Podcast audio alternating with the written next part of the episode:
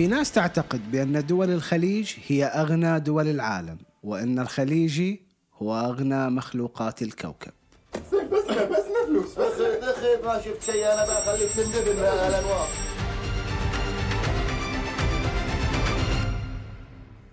حياكم الله في حلقة جديدة من بودكاست تو النهار وهذه الحلقة نختم بها الموسم الأول.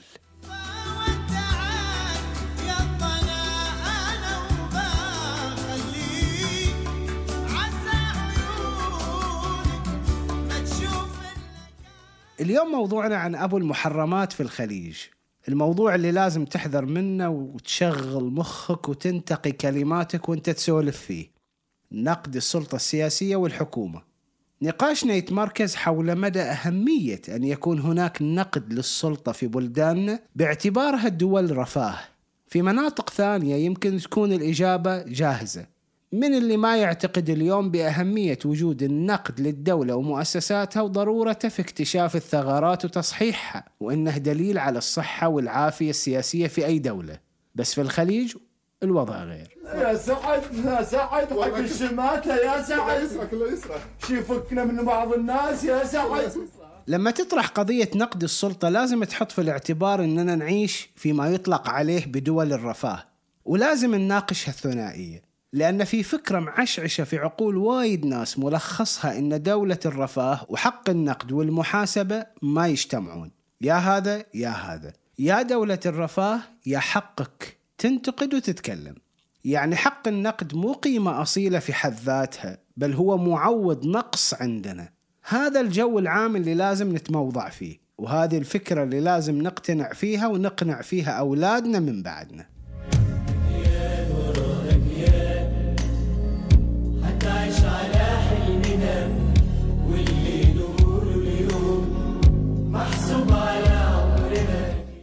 يعني وانت في دولة الرفاه الاجتماعي اللي تقدم لك تعليم وصحة وبيت إسكان وتتحمل مسؤولية توظيفك وتدعم السلع الأساسية شنو تبي تنتقد بعد؟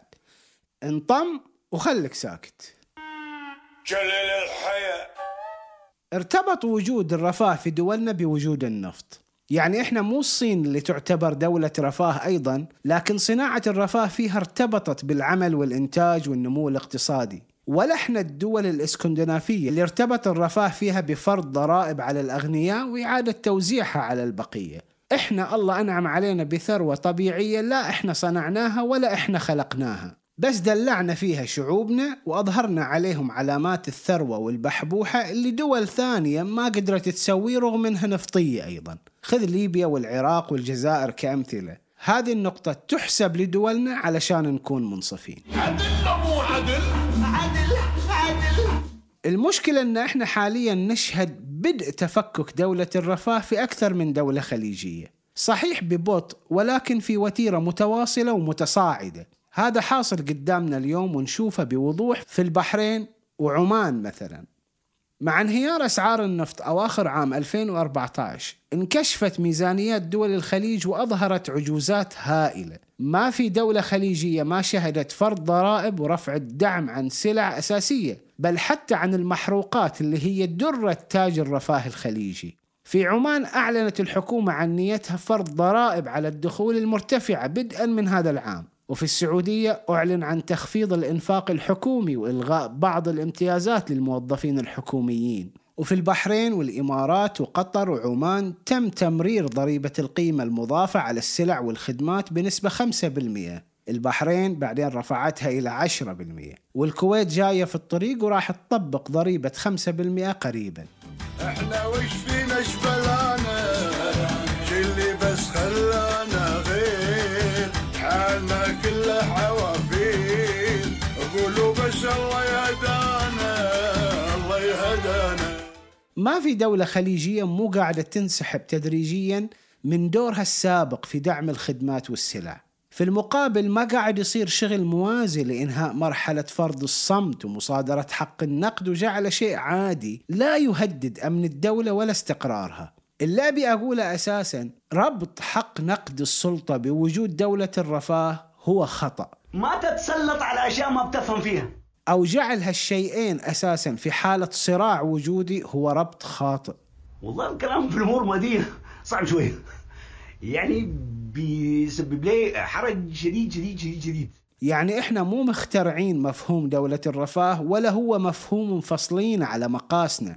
ترى يا جماعة مو بس أنتوا اللي عندكم فلوس. الدول الإسكندنافية ودول غرب أوروبا تعتبر دول رفاه وعايشين أحلى عيشة. لكن مقاربة هذه الدول لدولة الرفاه ما تقوم على كتم الأصوات ومنع النقد والمحاسبة بل على العكس على إتاحة مساحة كبيرة للنقد مع قيود قليلة. الله أنعم علينا بهالنفط والغاز اللي هو سبب كل الخير الظاهر علينا.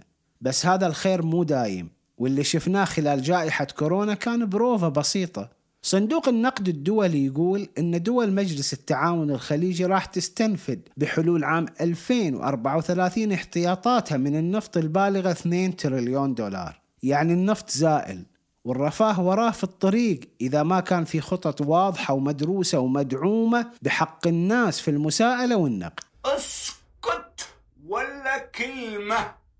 قرقر كثير ما أبغى قرقر كثير. حاليا بعض حكومات الخليج قاعدة تسوي مراجعة لنموذج دولة الرفاه وقاعدة تقصقص في رفاهية المواطنين شوي شوي تحت ذرائع مختلفة.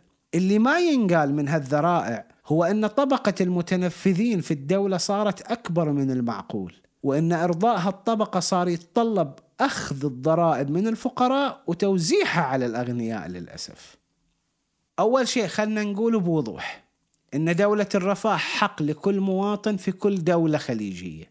يعني ضمان حقوق المواطنين في التعليم والصحة والسكن والعمل والتأمين الاجتماعي والتقاعد الكريم يجب أن يستمر في كونه مسؤولية الدولة أولا.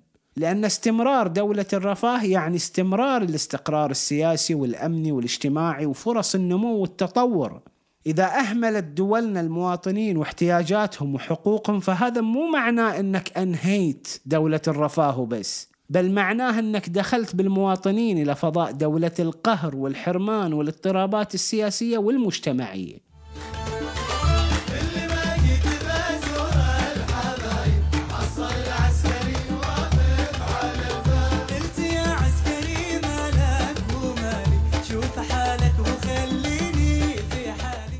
ثاني شيء حق الناس في الكلام والمساءلة والنقد هو جزء لا يتجزأ من دولة الرفاه. يعني العكس هو الصحيح. علشان يكون الخليجي عايش في دولة رفاه لازم يكون عنده الحق ينتقد ويتكلم ويسأل وما يخاف. لازم نراجع السياسات الخاطئة مثل إسكات الناس ومنع النقد وتصويره بأن شكل من أشكال التهديد للدولة. نحتاج إلى فتح نقاش مجتمعي جاد ومسؤول حول كل ما يشغلنا من موضوعات. نحتاج تكون كل قضايانا قابلة للنقد. نحتاج إلى وجود كيمياء تفاعلية بين الحاكم والمحكوم. علاقة أساسها المودة والاحترام مو التهديد أو الخوف. أقدر أدي لك بوكس؟ أخفس عيونك. أخفس لك عيونك. بس أنا مسامحك.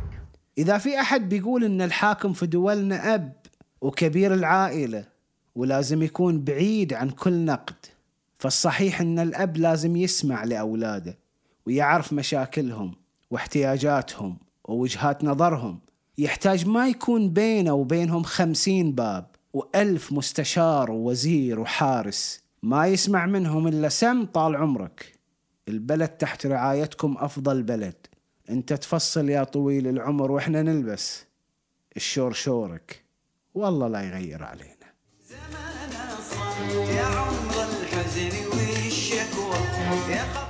كان معاكم عادل مرزوق في أمان الله.